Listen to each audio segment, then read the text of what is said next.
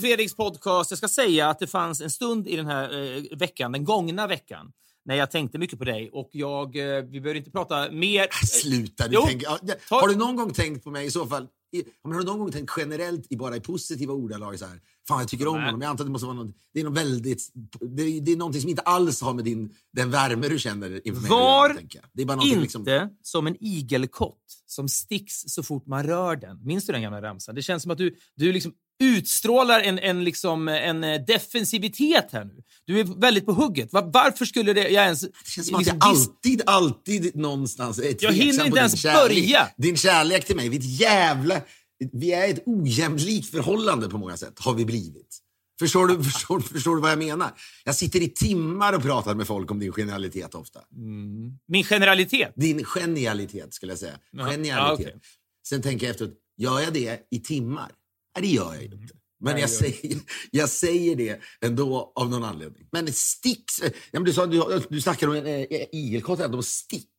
Nej visst, så det, det, du skulle snarare då kunna sjunga den här ramsan till mig för att du utgår ifrån att jag är en igelkott som sticks. Du är väl mer snarare då, någon, ja, men du är som en igelkott som liksom börjar upp dig redo för ett angrepp som kanske inte ens kommer. Du är liksom en paranoid jag. Jag igelkott. gör det Ja. mycket mer, mer och mer än jag skulle göra någon om vår andra podd då, som vi också har, eh, som ju heter Filip och Fredrik svarar. Mm. Som jag hoppas att ni kan signa upp er för. Massa gratisveckor, ingen bindningstid. Det är en annan form. Vi älskar faktiskt att göra den. Folk har börjat lyssna. Ni kan skita i den podden efter några veckor och säga det där håller inte. Jag är inte beredd att betala en spänn för det där kanske. Men ni signar upp gratis på podme.com på- med koden Filip och Fredrik. När ni alltså reggar Filip och Fredrik så är det alltså stora bokstäver så får ni 60 dagar gratis. Det borde ni testa på. Men jag vill komma till det här då. Jag ska bara säga det, men apropå det, det var det jag skulle säga när vi gjorde, jag, när vi gjorde nå, lite marknadsföring för den. Att jag, du har rätt i det där, hur jag gör mig redo för attack när jag skulle vara med i Kulturnyheterna eh, för någon, någon vecka sedan. Och egentligen vet man att Kulturnyheterna, jag tror jag har kallat det för pressmeddelande-tv någon gång. Jag sa det i en pissoar till Kristoffer Lundström på den tiden jag hade geisten att någonstans här, bli irriterad när jag var på Kristallengalor. Då jag, när jag hade liksom verkligen gick runt och bara hatade allt. Saknar den tiden. Fan.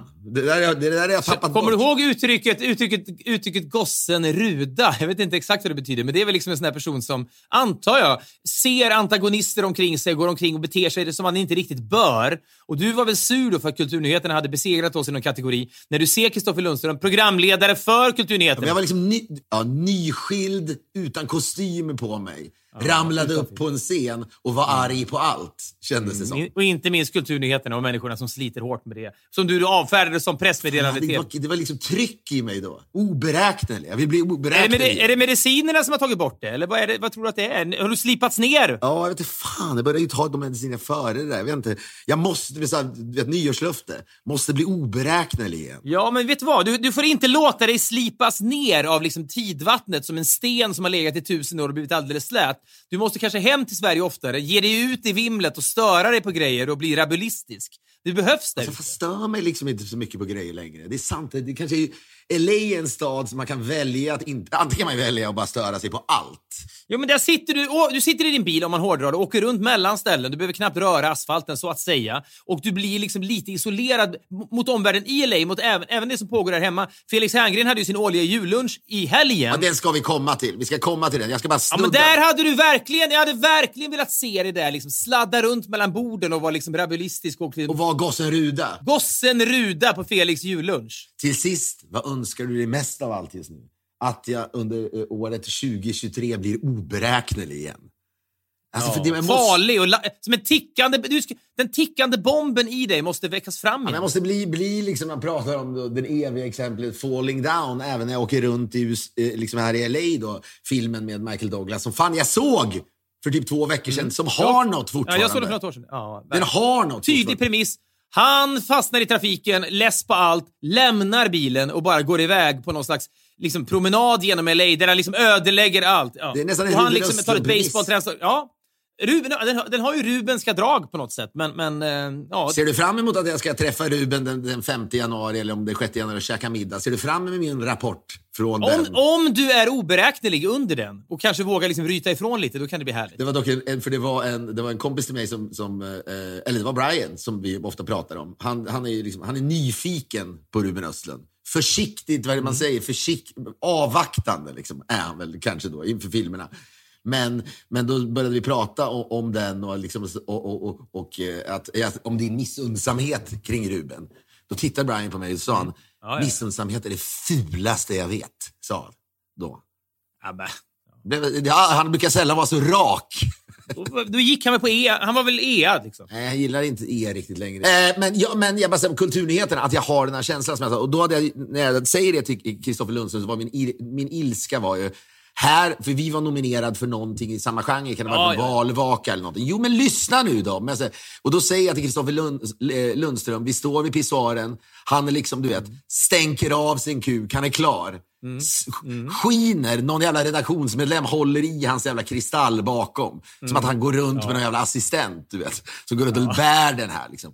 Då sa jag, grattis till Kristallen. Mm, sa Ja. Och så sa han något i stil med, du vet, äntligen har de börjat ge, eh, liksom, dela ut priser till pressmeddelande TV. Då, sa jag. För att det jag menade var att det, kommer liksom, det rasslade in Alltså de har väl fortfarande fax på Kulturnyheterna, redaktionen kanske. Men att det rasslar in ett fax och så står det att du vet, ja, eh, Leif André ska göra en ny du vet, pjäs på, kultur, eh, på Kulturhuset eller någonting. Och det gör de två minuters tv av. Du vet, sådär. Mm. Mycket intressant är också att Helena Bergström spelar rollen, du vet, bla bla bla. Och det är väl inte hela sanningen om Kulturnyheterna eftersom jag kanske ser Kulturnyheterna en gång per år, max.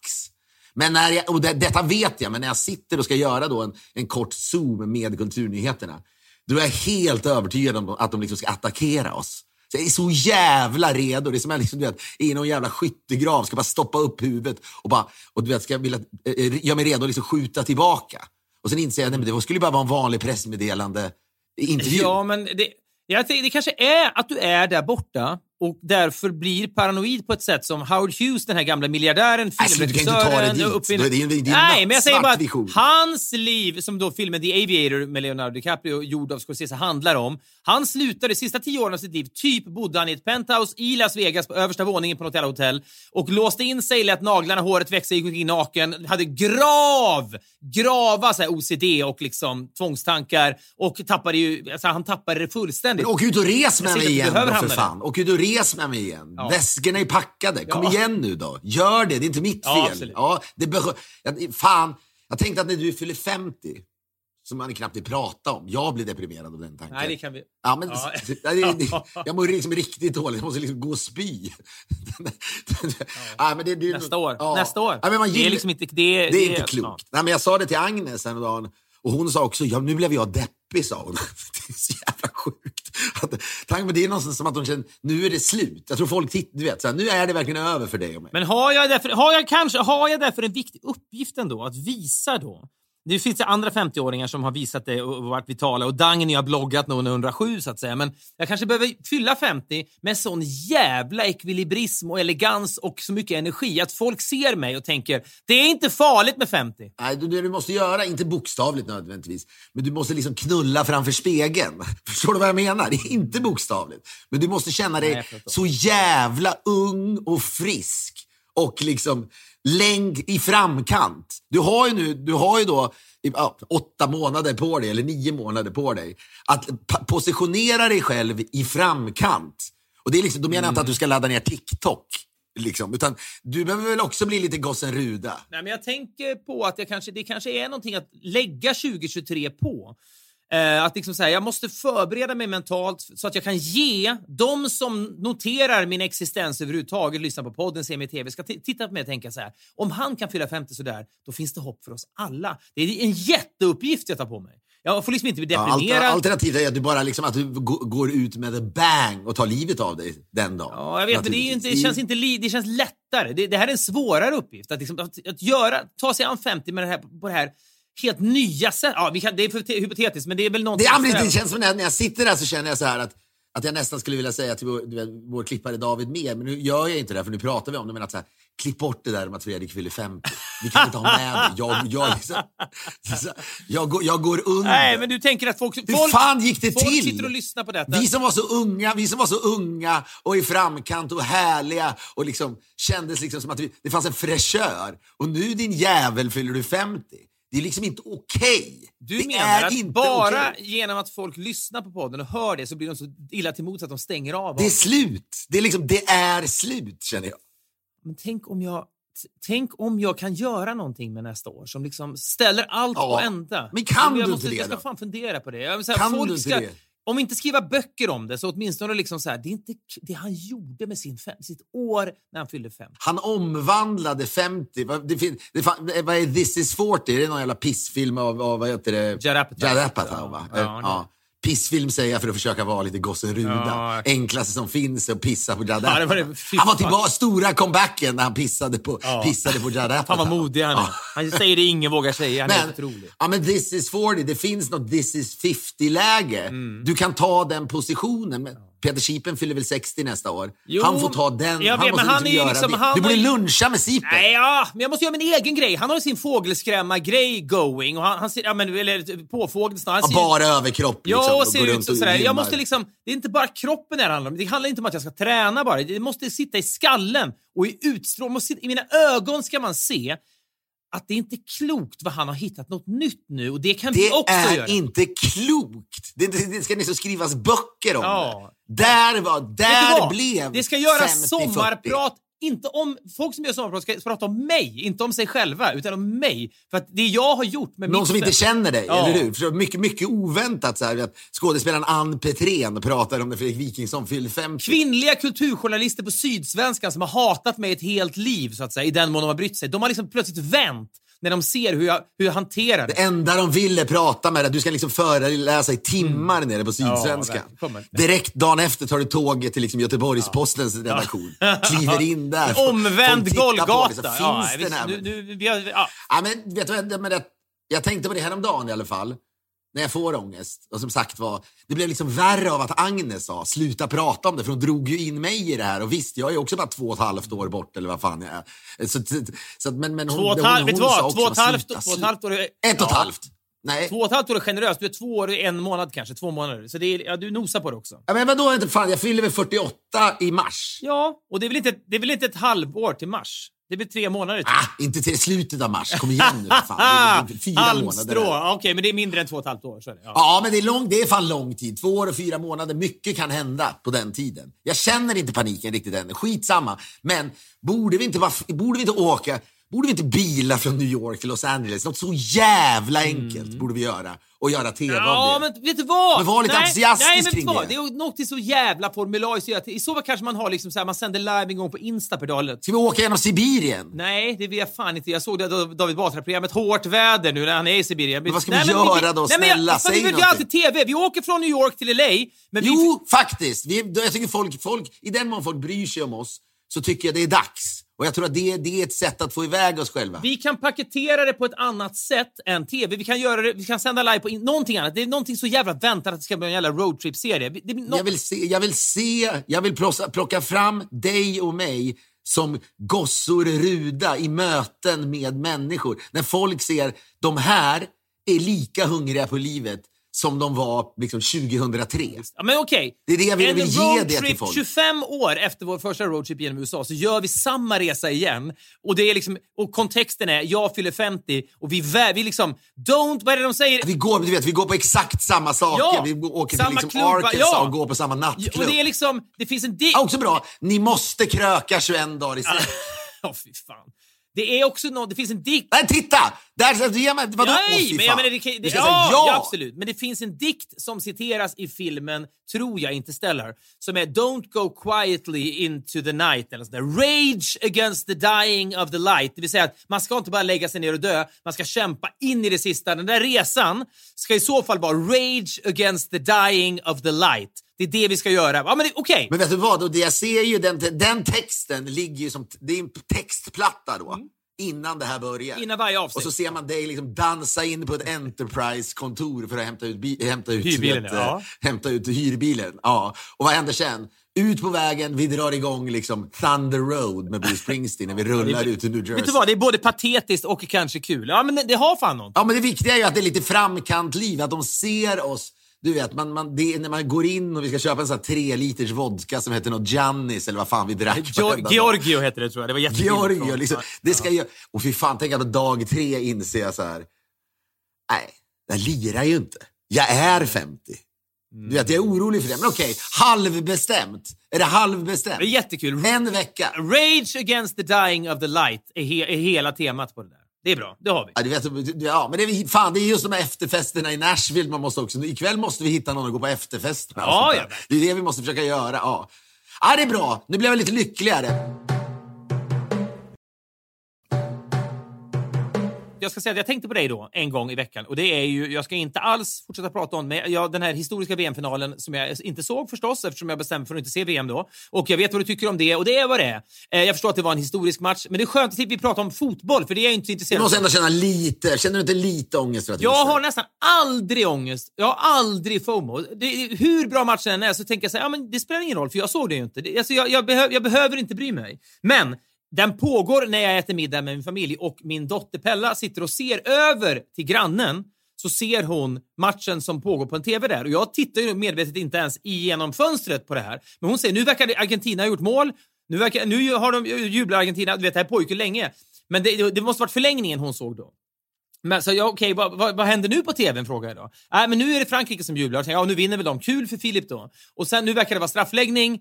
Eh, för det var ju i slutet av förlängningen allt det här utspelar sig. Och sen så, ja, nu verkar Argentina ha vunnit, säger hon. Och då sneglar jag över till grannen, ser jublande argentinska spelare och tänker att nu måste det vara nattsvart i Los Angeles. Alltså jag kan bara föreställa mig... Ja, det var, du vet, det går inte att förstå.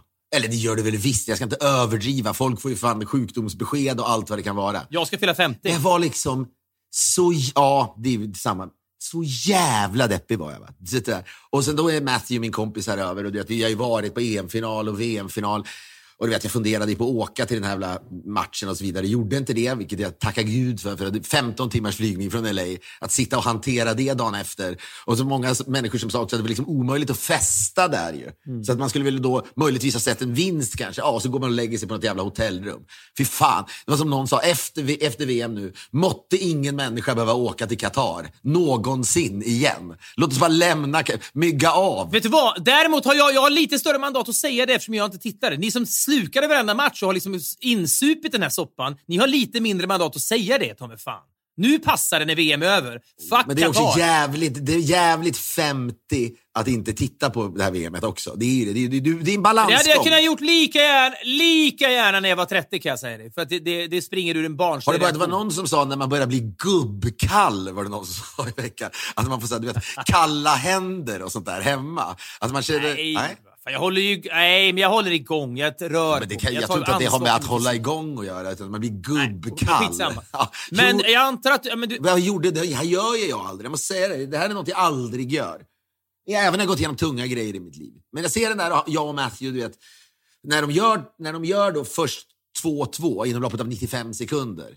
Det är, liksom, det är otroligt. Det går liksom otroligt vad det är. Lyckan jag känner, du vet, våra hundar, framförallt den lilla hunden, står liksom och skakar av rädsla. För att den inte förstår vad det är som händer. Får jag bara fråga en sak? Eh, Tror, tror du att du har ju diagnostiserats med ett och annat, men bland annat bipolaritet ju. De här snabba skiftena. Ja, men, ah, halv, nej, light, light bipolars har min, Jo, min, då, min, men du, min du nosar på bipolär. Jag menar bara så här. Jag undrar, jag är nyfiken på sånt nämligen. Om en bipolära människor mer eller mindre mår extra dåligt av Kan den här... light bipolar människor i så fall. Ja, men ja. gå vidare. Ja, ja. Men jag menar, om, det, om de här extremt snabba svängningarna blir någon slags mikrokosmos av bipolaritet som ni kanske är mer mottagliga för, eller är ni avtrubbade? Eller vad tror du? Det enda jag kände att det typ var farligt för mig nästan. För jag kände liksom att livet lite tog slut. Det var liksom på den nivån.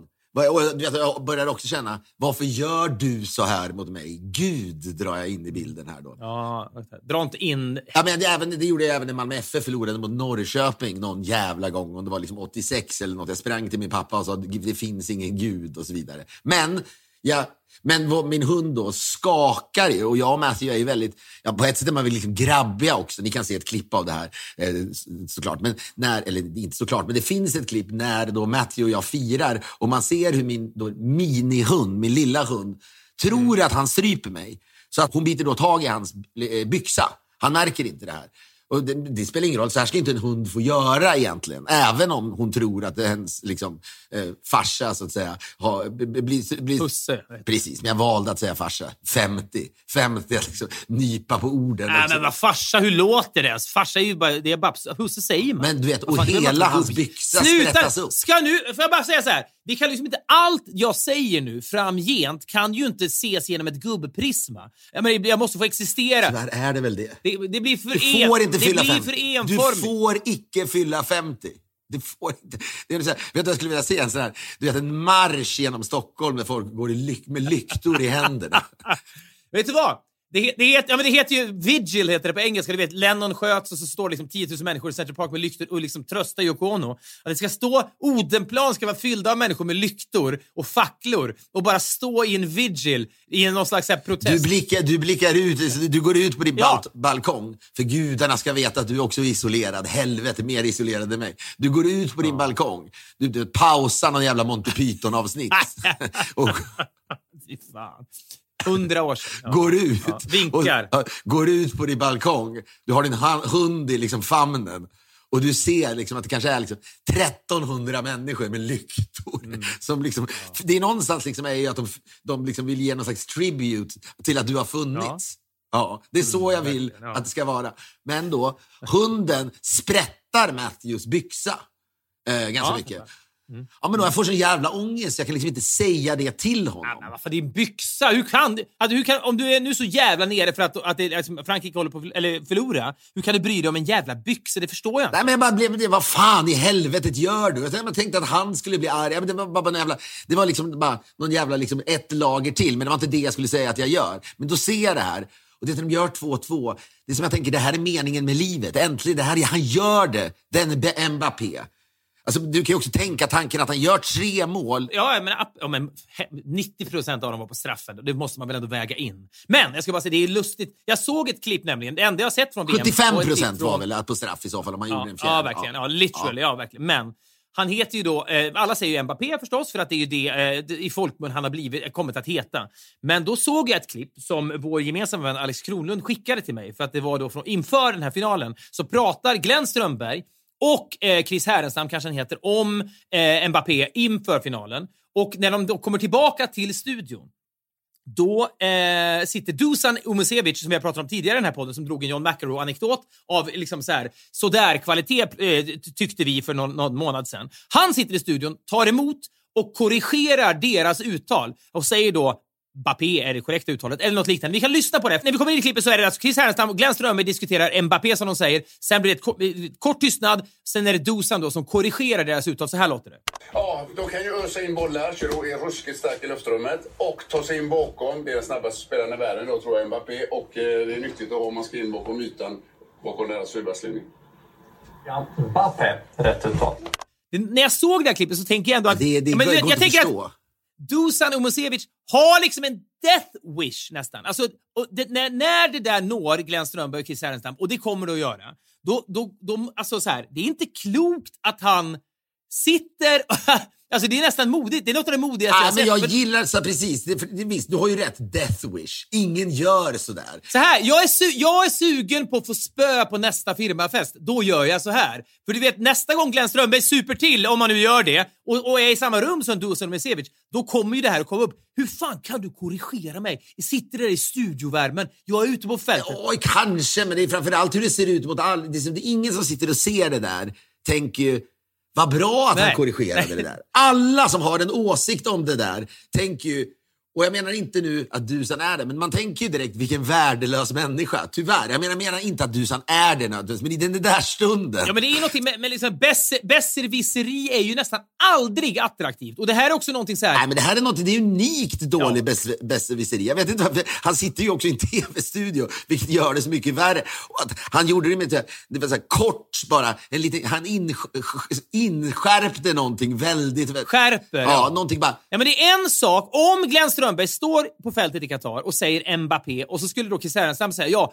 eh, han heter ju tydligen Mbappé bara så att det är kanske så vi ska kalla honom. Ja, ja, så blir det en diskussion. Men liksom, Dusan sitter ju på facit. Han, han, har ju redan sett det här inslaget. Han vet när, att när vi kommer tillbaka till Det mig... kanske var live, skrattar- det kan ha varit live. Ja, det kanske var live, men okej, men han sitter ändå och gör ett bli, en blixtsnabb överslagsräkning och tänker ah, jag tar chansen och täpper till truten på dem, plattar till dem och säger som det egentligen är. Det finns ju en annan historia om, om hockeyspelaren Orvar Stambert som spelade i, i Djurgården, inte vet jag, 16 säsonger typ. Landslaget lite grann. Han var, all, han var aldrig någon stjärna, han blev aldrig intervjuad efter matcherna. Men han var liksom en legendarisk kämpe. Och sen när han gjorde sin sista elitseriematch, då fanns det ju ändå anledning att intervjua honom efter matchen. Och då så står då en reporter med honom och säger, det här är ju 1996 kanske eller någonting, och så säger han bara här står jag med Orvar Stambert, sista elitseriematchen, det måste vara tungt, hur känns det? Och då är han liksom tyst ett tag. Han gör också en överslagsräkning och liksom tänker, är det värt det här? Och så tänker, ah, jag vet du, jag heter ju Orvar Stambert. Ni har bara kallat mig Stambert i alla år. Jag har aldrig fått chansen att korrigera det. Jag, och så, då tar han ändå chansen. Då är det ju ändå något slags charmigt i att han står med den här personen som har sagt fel. Alla har ju sagt fel i 16 år! Man... det också ringar ju in någonstans vem man är i folk. Alltså, det är någonting ödmjukt. Jätteödmjukt! Jag var aldrig tillräckligt bra för att bli Stambert med er. Nej, för att ni skulle ta reda på ens vad jag hette. Jag är en fotsoldat i liksom ett, en kugge i ett maskineri. Jag har varit Stambert och jag har funnit mig i det. Och det är någonting med det som är så ödmjukt och fint att han då i sista, sista intervjun så lite med, med glimten i ögat. Ja, alltså jag heter ju Stambert. Ja, men du menar om, om, om Bappé själv hade sagt detta möjligen så hade det varit ja. okej okay, så att säga. Ja, sannoliken. Ja, men det är någonting med det här som... Det är någonting, jag tyckte det var något, en ny nivå av besserwisseri i tv som liksom var nej, intressant, modig och kanske Death Wish-dumdristig. Ja, men det, det, det är helt... Jag vet inte, och det är så, då kan man tänka åh det här är sport och vidare, snacka inte om sport. Men det har inte med det att göra, utan det är ju liksom nej. Death Wish, Death Wish-människor för det, det ja, och, de, och de, jag menar faktiskt framför allt gentemot kollegorna. Det är inte så att folk på stan kommer hata honom ja, fast, nej, men Jag men menar mer att göra någonting instinktivt. Som, det, finns inte ändå en, det finns inte en människa som tycker att det där är bra och charmigt eller rimligt. nej. Inte nej. en människa. Inte en enda människa. Korrekt uttal. Det, det, det, det är helt... Det är faktiskt fängslande. Jag menar, så här, vi har haft kontakt med honom efter den där förra gången vi pratade om Medusan. Han verkar ju vara en trevlig person, så det är inget angrepp på honom egentligen där. Det är bara så jävla intressant att fullfölja den impulsen, trots att han rimligen måste förstå ja, hur den uppfattas. gossen Ruda? Är han lite gossen Ruda? Det är det du borde efterapa. Det är där har vi det ju. Det är så du ska bete dig på, låt säga, Felix Herngrens jullunch nästa Ja, för det, men det är ändå någonting. Man kan ju vara gossen Ruda med någon slags ändå någon slags älskvärdhet kring sig. Och det kanske Dusan har i andra sammanhang. Men det är liksom helt befriat från älskvärdhet. Det är så på kortast möjliga tid. På tre sekunder. Ja, så på tre sekunder så liksom, någonstans gör han något som gör att det är till och med omöjligt för hans föräldrar att jag tycker vi, vi, lyssnar på det, vi lyssnar på det en, Det är inte ofta vi gör såna här repriser. Jag tycker vi lyssnar på det en gång till. Ja, de kan ju ösa in bollar, Giroud är ruskigt stark i luftrummet och ta sig in bakom. Det är den snabbaste spelaren i världen då, tror jag, Mbappé. Och eh, det är nyttigt att ha om man ska in bakom ytan, bakom deras fyrbackslinje. Ja, Mbappé, rätt uttal och så, så drar han igång en ny mening och det, där, klipps ju, där klipps ju klippet så att säga. Sen öser han vidare bara. Han ville bara sätta ner foten och få det där sagt. Det där är, fan vad sjukt. Det där är någonting. Det är så jävla sjukt faktiskt. Det, det liksom... En vigil utanför hans balkong. 1300 människor står med facklor. Ja, men det är så jävla konstigt. Men i alla fall när, när det där sker och du vet när vi är 2-2 jag bara, du vet, man börjar drömma igen och, så, och att de vinner och sen den irriterande jäveln. Det var som någon skrev till mig eh, om, om, om Messi. För sa, vad är det med honom? Han ser ju så uppenbart dum ut. Det kan man väl säga. Det, det, det, det, jo, men Ja, men det, Mbappé ser väl inte skitsmart ah, ut? Jo, han ser ganska liksom smart ut. Han, man ser att jag tycker, rör... alltså, jag, jag, tycker vi kan ta efterspelet till det här liksom, med bucklan och alltihopa. Visar att fotbollsspelare är ju inte speciellt eftertänksamma. De Fan, liksom... vi måste höra Dusan en gång till. Vi måste höra Dusan direkt nu en gång till. Jag har behov av det. En gång, sista, sista gång. Sista gång. Ja, Mbappé, rätt uttal. Ja, det, är... Det, är så, det är så sjukt. Det är liksom årets klipp, årets audio. Det, det, jag, vet, jag, vet, jag kan inte komma runt det. Det är så jävla härligt också. Ju. Men jag ska bara säga, när då finalen är över, Frankrike har förlorat, Argentina har vunnit. Då är det ju någonting med dels den här målvakten i Argentina som får någon trofé av något slag. Ja, men jag skulle bara vilja säga vad som sker först. Om vi ska någon, det kanske inte spelar så stor roll med kronologi, men jag måste bara, när det där sker då, Eh, och där, med, apropå Messi, då var det någon som sa att det där är anledningen till att liksom, folk gillar Messi. Han är inte liksom Ronaldo. Det, ja, men det här sker ju nästan parallellt. Liksom, han har fortfarande då sin stora stund samtidigt som liksom, Ronaldo Ja men du vet, bara äh, snygg. Jo men han är väl någonstans, han har ju något helt annat. Så, så här, människan på jorden som mådde sämst av Argentinas vinst var ju Ronaldo. För nu blev Messi the greatest of all time på något sätt, Maradona hit och dit. Men Ronaldo satt ju och höll på Frankrike av allt med alla sina maktkrafter satt han och höll på dem för att Messi Ja, inte ja, men skulle om man nu såg det, jag vet inte om han pallar att se något sånt där. Jag vet inte. Men det finns en bild ju på, på Mbappé. Jag orkar inte gå Dusanvägen. Jag orkar inte det. Nej, det, han får heta Mbappé här. Nej. Ja, men när han sitter, du vet, de har ju de här små liksom... Eh, liksom Avbytsbänkarna, ja. du vet, avbyta, ja, men, ja, men när han sitter där själv, du vet, han, han har liksom hasat ner sig själv. Då, då tänkte jag, han måste ju tänka, det är liksom, inget är ju värt det. Det är inget Nej, men han, det. någon skrev på Twitter så här, det, det, han är som den, den enda personen i, liksom, i gruppen som tog grupparbetet på allvar i skolan medan alla andra slarvade bort det. Säga, han gjorde allt han kunde, alla andra levererade inte. Så han måste ju må skit för det. Jag såg också när, när han går omkring på planen, han går omkring på planen och så kommer Macron älgande ner då för att visa empati och du vet, krama om honom. Och jag, och jag tänkte det för mig själv, som någon också påpekade. Tänk, det är som om jag skulle få stryk i padel och vilja slå sönder racketet och så kommer Ulf Kristersson in och ska trösta mig. Jag hade ju liksom, jag hade smulat racket i huvudet på honom. Att det sista man vill ha är väl att en jävla politiker ska komma in och krama en när man har förlorat en VM-final. Det är så jävla okänsligt. ingen fattar ju. Han är, han är världen, med de där känslorna är han ju liksom helt ensam i hela världen. Ska Macron komma och sola sig i glansen? Ja, men man kan ju relatera till folks sorg kanske. Jag tror att förra året så sa jag någonstans att bilden på Edvard Blom när han satt och väntade på liksom tredje sprutan eller någonting. Mm, gasmask på någon liksom ja. vårdcentral i Örebro med, med gasmask. Ja, men att det var årets bild på något sätt. Att det, det var, det, då, och, ja, det, fortfarande, vilken bild det är. Det måste jag ändå säga. Ja, men det är någonting, liksom, ringade in allt. Så måste jag säga att när Mbappé sitter där liksom nerhasad där. Mm. Så det, det är liksom årets bild för mig. För att säga, det är så ett geni, som exakt som du säger, så här, som har gjort allt i ett grupparbete. Men de andra har inte hjälpt till. Liksom. Tror du med. att han hatar dem eller? Tror du att han Ja, hatar lite, dem? Det måste han jag, tycker, jag tycker att jag har ju sett så mycket bilder. Efterspelet i VM-finalen tycker jag på ett sätt är liksom lika... Jag förstår att finalen var en klassiker, bla bla bla, men det var efterspelet ett då. Den här målvakten som ställer sig och juckar med någon jävla liksom, eh, liten eh, du, staty av något slag som han har vunnit någon bästa målvakt eller vad fan han har fått. Den ställer han sig och juckar med. Det där, du vet vad han är? nu? Han är, nu, vänta nu, alltså, Dusan är ju bara, han är ju värdelös i ögonblicket. Mm. Och, och eh, jag antar att han är liksom en ganska bra människa då. Fingers crossed, liksom, att han inte har det. Men den där målvakten, Emiliano Martinez eller vad han heter. Han är liksom världens sämsta människa. Nej, men världens Jag menar bara att är. idrottare direkt efter såna här omtumlande ögonblick är liksom inte tillräkneliga. Det känns som att deras IQ halveras. När han ställer sig gör, hans IQ är nere på 60 där. Han är liksom Men det är ADHD där tror jag. Jag tror att det är ADHD. Det är Ja, bara ADHD, impuls. kanske det är tvångsmässigt, det är- liksom någon slags Tourettes. Han gör precis vad som faller honom in. När Messi tar på sig den här liksom emir-rocken, de starkaste bilderna på honom han höjer bucklan, då har han en jävla liksom Batman-kåpa på sig. Det är någonting med det som också, han kommer ju sitta på ålderns höst. Bo- Hade jag behövt ta på mig den där?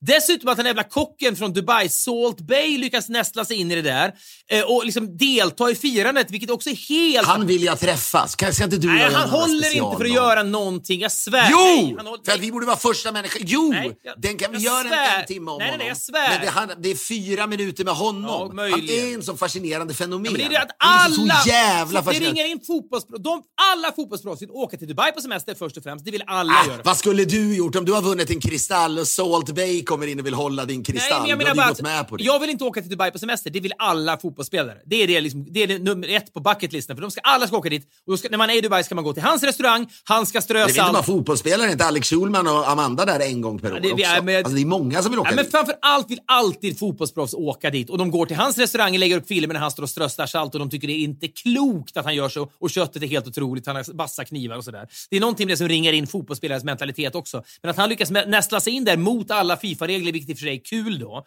men att han står och klappar på bucklan, det får han liksom inte göra. Det, ja, det var någonting med... Man är kompis med den där Infantino. Liksom. Men jag menar bara, det är någonting ändå bortom vår tid. För man kan säga vem som helst kan bli känd och så vidare. Men det är någonting med honom som är så jävla fascinerande. För han ser också helt tom ut Ja, som människa. Även han. Men att han... Man har ju inte läst en intervju med honom. Jag har inte, jag har inte liksom jagat intervjuer med honom. Men det är någonting med honom som är... Det är så jävla fascinerande. Det är liksom en ny slags Mr X-beteende. Ja, att han plötsligt är han där. Han, Ja, men precis när man trodde det att han hade inte. Man har inte hört någonting om honom på ett år kanske. Han var liksom, för två, tre år sedan var han ju överallt och gjorde det här jävla strösslandet. Och försökte... Ja, för det ska ju sägas, det är inte bara fotbollsspelare. Alla känner, han, det finns säkert när han liksom saltar du vet, Tom Cruise biff. Ja, säkert. Garanterat. Eller liksom Madonnas ja. biff också. Men fotboll, är det är någonting med fo- fotbollsspelare älskar honom mer. Det är bara så. Men framförallt men proffs i Premier League älskar honom mest. Kräver de mindre av underhållning? Ja, alltså, krä- jag tror finns det. ingen annan... Är det, Ja, men han står väl i det köket och så säger någon, nu är David Beckham här. Åh, gud. Ja, jag får väl gå ut och strössa lite salt du vet, så han blir nöjd. Och sen så hamnar det på David Beckhams Instagram. Och så, men du vet, jag har inte hört någonting om honom på ett år. Vet du vad, jag tänker, istället ska man göra en film om honom som utspelar sig 20 år från nu. Och sen du vet, när han åker runt på såna här du vet, Comic Con-events och saltar folks biffar. Du vet, för det kommer väl bli så. slut. Ja. En, en saltare på dekis. Ja, men du en, vet, det kan, saltare. vad finns det för såna här, du vet, steakhouses-kedjor i... Ja, men det, I Sverige finns det ju liksom Texas Longhorn. De hyr in honom så han åker på en turné. Bum, Jensens buffhus. Ja, verkligen. Han åker mellan alla Jensens Buffhus och liksom strör salt då över inhyrd. Det är väl en fram... Han har det kanske jättebra. Ja, men det, ja, men det finns någonting i det där. För att, att, att han inte liksom... Det där måste ju vänta honom ändå. Han, till slut kommer han ju behöva salta på en liksom, Comic Con. Vet du vad, jag trodde att han redan var där, men att, han, att han står vid bucklan är ju ett tecken på att han fortfarande är i smeten, så det sjunger. Ja, men det enda jag ska säga är att det är svårt att stå där och säga nej, jag ställer inte upp på en bild. Du får inte ha händerna på den här eh, bucklan. Det är, det är svårt ändå. Det får man ju lov att säga. Att det, är. det är mer problematiskt att de går till hans restaurang. Att de aktivt Ja. söker upp honom. Så Nej, men det är bara någonting, det, det är någonting med liksom så här fotbollsspelares otillräknelighet tillräknelighet efter en sån här stor serie. De är ju liksom inte, de är knappt människor. Jag tror att liksom intelligensmässigt när de står där inne och det är så mycket känslor i deras kropp. Känslorna har tagit över. De är liksom, ja men de är åsnor typ. Sen ser jag då klipp från, vilket jag hatat mest den här veckan, du vet, Argent- gatorna, är, liksom, gatorna är fyllda av folk. Argentina är ju verkligen Sydamerikas England liksom, på någon jävla vänster. De tycker ju också att it's coming home. Ja, du vet. ja. Och passionen, folk älskar ju liksom, de älskar ju att lägga ut, lägga ut så små klipp, små eller korta klipp. På, du vet, man filmar en gata i Buenos Aires. Det är helt tyst och så står det bara seconds before, eh, du vet den här killen Straff- scores. Det- ja. Ja, innan han då sätter den sista straffen. Och sen hör man allt jubel inne på det. här. Det har gjort att folk liksom gillar du- Argentina. Ja, men att du ser sådana klipp, det är ju fan självskadebeteende att du sitter och Ja, kollar. men Ett så jävla värdelöst land på alla sätt och vis. Och alla de här... Fast, jo! Nu, ja, men nu, ja, det, ja okej. Jo! Men du är ju, Ja, men också ja, hur de, det, så jävla liksom homofoga, eh, homofoba, värdelösa liksom Big Brother-deltagare i vad det där laget består av. Plus en lågintelligent, ett lågintelligent geni. Liksom. Det är vad det är verkligen. Men annars ska säga bara det jag gör efter matchen är att jag verkligen tar ett aktivt beslut. Jag går ut i köket. Ja, men min son är liksom han bryr sig ju inte, men han, han, vad, är det, vad är det som händer här? Han sitter ju väldigt tveksam till allt som händer. Men känner du då i den stunden, det kan jag, jag är lite nyfiken på, för jag kan ju då ha stunder av, det är också så intressant, för jag menar, en paddelmatch, jag vet det betyder ingenting. Alltså ingenting betyder det. Jag vet att en VM-match betyder allt. Eh, och du, för dig är det här viktigt. Men när jag kommer hem och mina barn frågar hur är läget och jag verkligen säger jag kan knappt prata för att jag är så jävla svart i sinnet. Jag kan, alltså jag kan knappt titta på dem. Jag kan knappt prata. Och jag, jag vet så här, jag tänker för mig själv, nu borde jag verkligen skärpa till mig här och liksom ge dem en bättre version av mig själv än den jag visar upp nu. Men jag kan liksom inte. Jag, men, och det, tänker du då samma sak gentemot Tage? Jag, jag kan Ja, inte... men jag går ut, nej jag vet nej, det, nej, nej, jag, nu där är jag ju så jävla knäckt så det går, jag kan liksom inte, jag är ju helt filterlös. Det verkligen är så. Han ser ju på mig, ja men visst, liksom, han, han, det är ju jag vet, inte, det är inte traumatiskt, men det är klart han ser en sida hos Han är mig. ju mina, mina barn är ändå 14 och 16, de kan ju garva åt att jag är på dåligt humör. Så jag, jag kan luta mig mot det. Ja, men precis. Ja, men han, han ser ju en sida hos sin pappa som är väldigt konstig. Ja. Någon skulle kunna säkert säga, vad är det du liksom förmedlar för bild av du vet, så här, vad, vad fotboll betyder och så vidare. Men jag går då ändå ut i köpet till barskåpet. Klockan i matchen börjar ju sju här. Ja, på morgonen ja. Och jag häller liksom upp en sån jävla tequila. Ja. Så att det du vet, den är till bredden, ytspänning. 24 centiliter kanske? Ah, det var ett lite mindre glas, men säg 18 centiliter. Ja. Och jag bara häller i mig den. I, i, direkt bara häller i mig den. Och sen fortsatte jag dricka hela dagen. Utan att säga det till någon. Inte till Agnes, inte till barnen. Jag gick verkligen runt och söp Tills jag la mig. men om de hade sagt vi måste åka och handla, men då hade du behövt vara ärlig ändå, för du hade inte kunnat köra på det. Då hade jag kört rattfull, typ. Äh, men det, äh, inte vet jag, men jag har aldrig gjort det. Sen. Man har gått igenom tunga saker i sitt liv. Och liksom aldrig, jag har alltid tänkt så här, äh, men jag är inte en sån, mycket fel på mig. Men jag tror, det vet man inte. Jag tror inte att jag kan bli alkis. Jag vet det, jag har ingen aning. Men du vet, när man, man har, det har funnits för många tillfällen i ens liv där jag känner att jag ja, men du har, aldrig, du har aldrig haft impulsen att självmedicinera med alkohol. Alltså, alkohol för det har varit fest och det är kul. När du mår skit då har du gått till andra burkar. Ja, men jag dricker liksom aldrig... Jag, jag, tycker oftast det bara är roligt att dricka om jag vet att det liksom lurar en fest runt hörnet på något sätt. Ja, men här häller du upp då 18 centiliter tequila, shottar i dig det i ett desperat försök att bara må lite bättre. Det är det det handlar om. Ja, men det var bara så överraskande mig själv. Så jag har aldrig gjort detta. Nej. Och det här att inte säga någonting till sina närmaste. Jag skäms väl över mig själv på något sätt. Ja, men det var också en dag som skulle, det skulle, du vet, det skulle liksom slås in lite julklappar, vet, förbereda. Och så, det skulle göras lite grejer. Mysigt med barnen. Ja. Ja, men du, jag, menar, så här, jag kommer ihåg Sverige torskade mot Ukraina i EM och jag, liksom, jag hade liksom druckit ganska mycket under matchen då, så jag liksom fick väl någon snedfyll. Jag satt liksom på min då uteplats nere i Frankrike och stirrade ut i natten i kanske två timmar. Bara i tomhet. Drack? Drack. Men då var ju alla hade gått och lagt sig då som tur var, så jag kunde ju dricka i lugn och ro. Men att du hanterar på samma sätt, liksom 11 på förmiddagen och dricker i hemlighet är ju inte ljust. Men, Nej, men jag drack hela dagen. Jag drack till 21.00. När du däckade då, eller? Nej, jag, det, det, jag var, det fanns också någon slags adrenalinpåslag. Jag kunde inte sova. Jag, det, som just att ingen, jag och sov också i källaren här.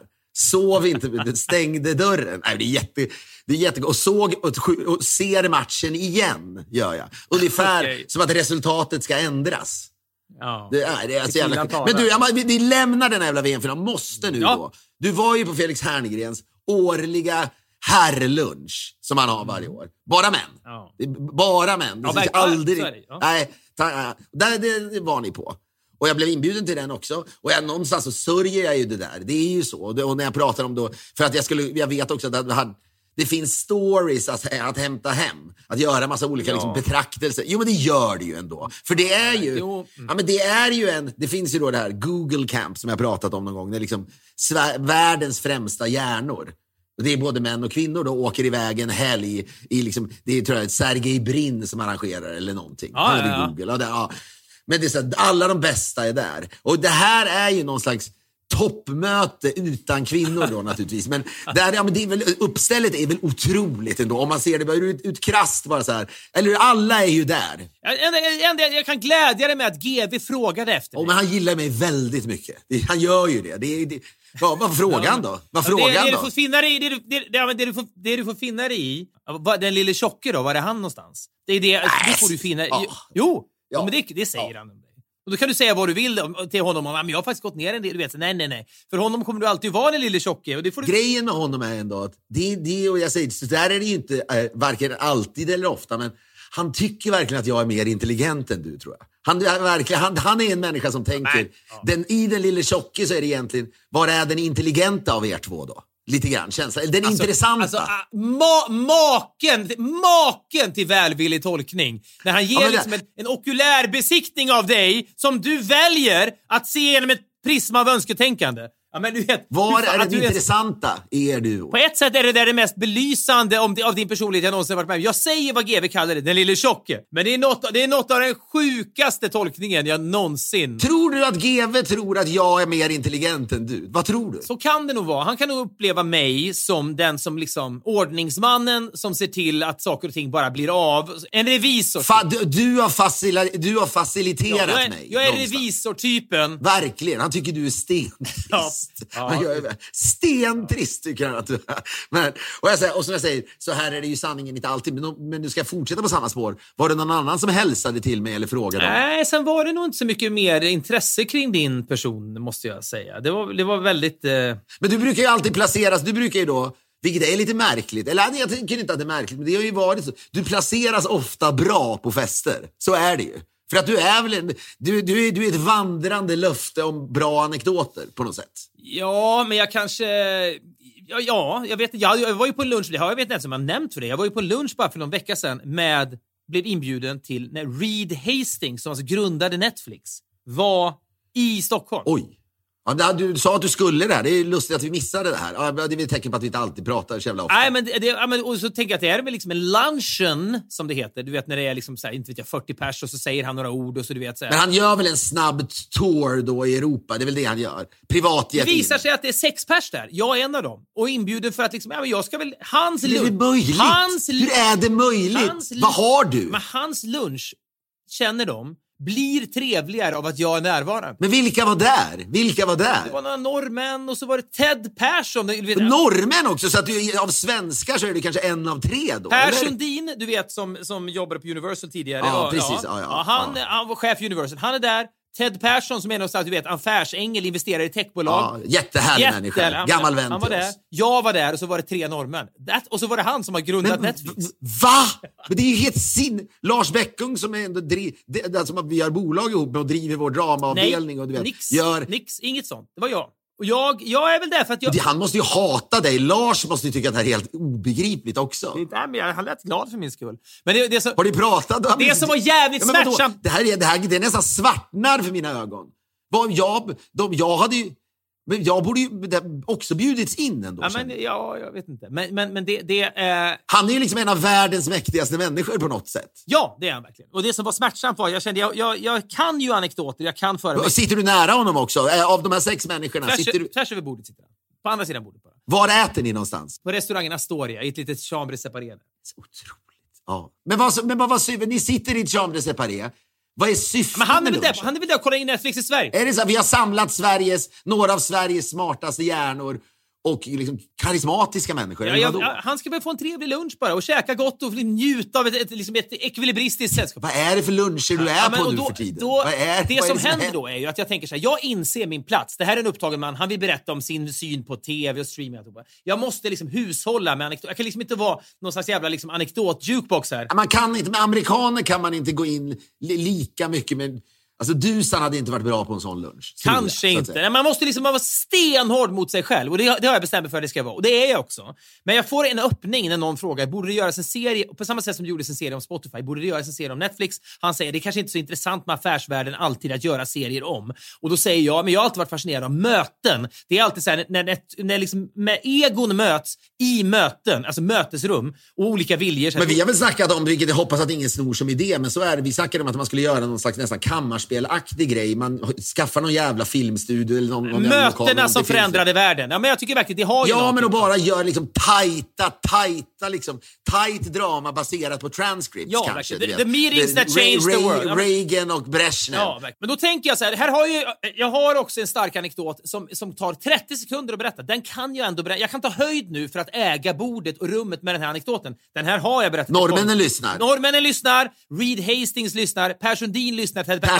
Sundin snackar inte om Swedish House Mafia. för- Nej, och eller Avicii, för utan han, för lys- han lyssnar på mig och jag drar igång den här anekdoten. För jag vet att jag kommer kunna berätta den på 30 sekunder. Vad är det för anekdot Ja, men det är ju anekdoten om när Jeff Bezos på Amazon skulle ha möte med VD för Toys R Us 2009 kanske för att göra ett samarbete innan Amazon var så jävla stora om leksaker på nätet.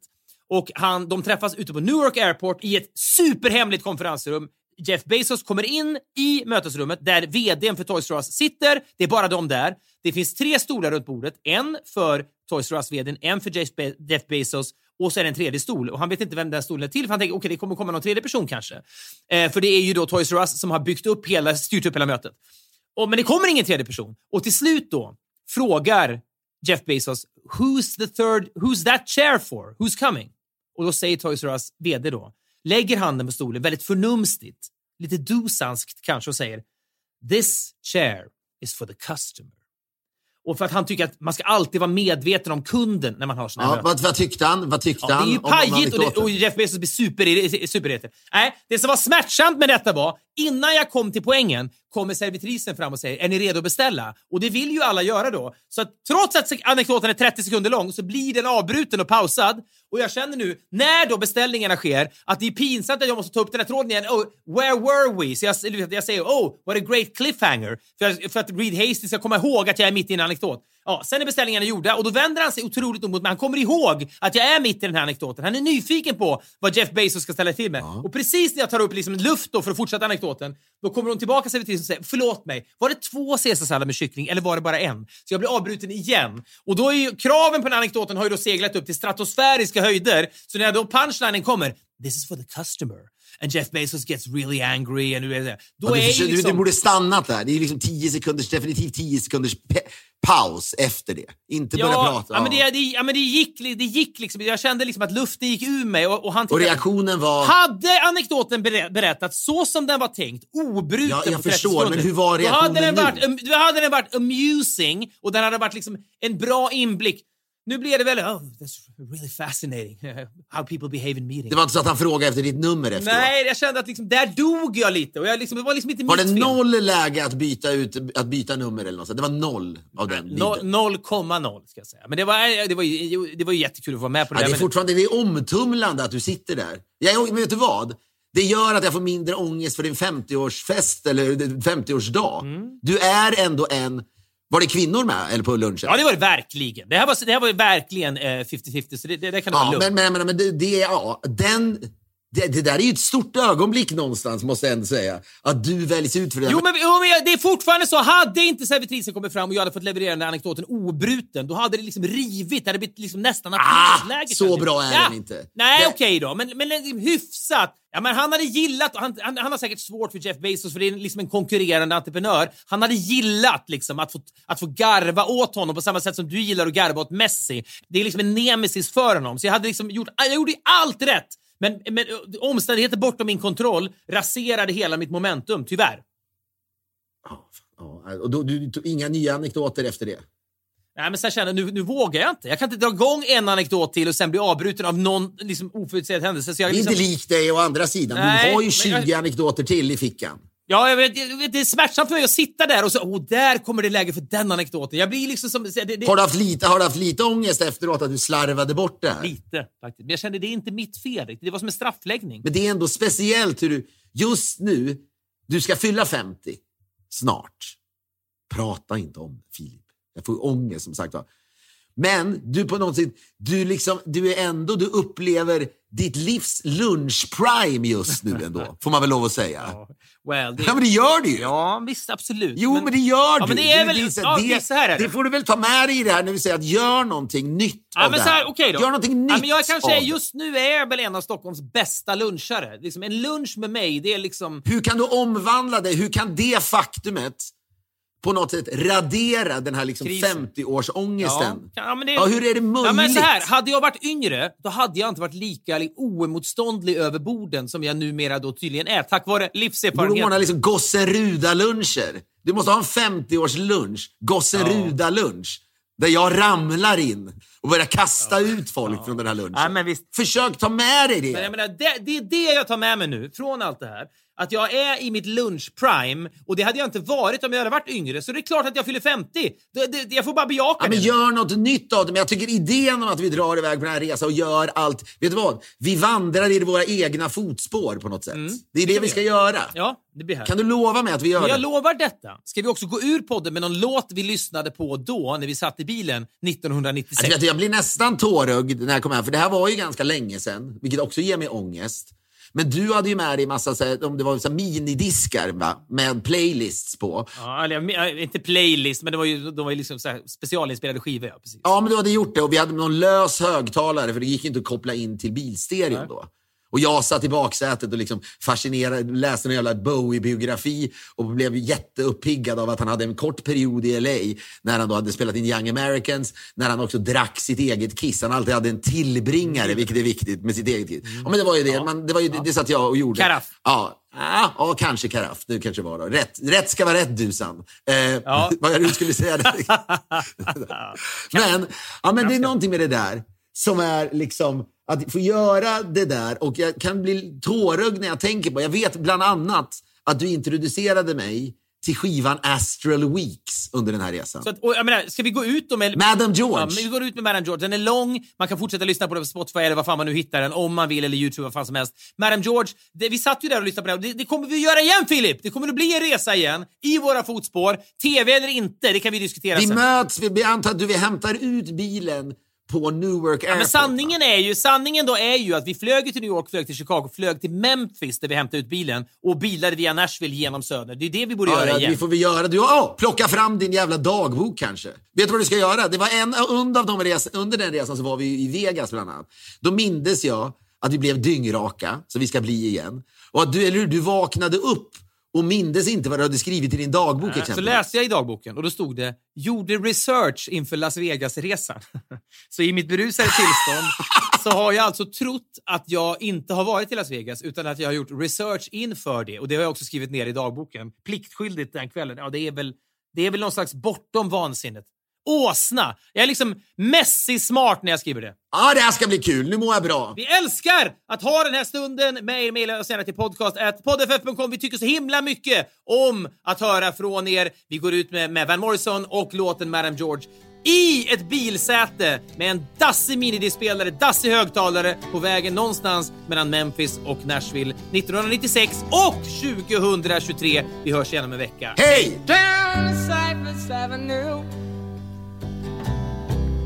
With a childlike vision sleeping into view.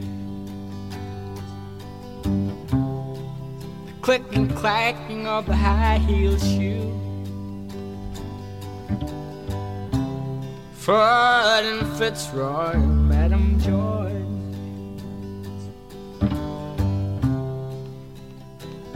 marching with the soldier boy behind. He's much older now with hat on, drinking wine. And that smell of sweet perfume comes drifting through. Oh, the cool night air like Shalimar.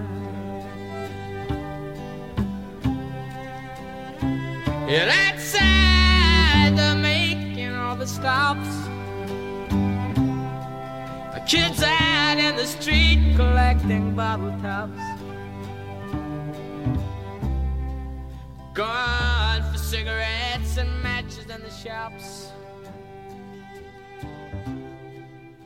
Happy taking Madam Joy.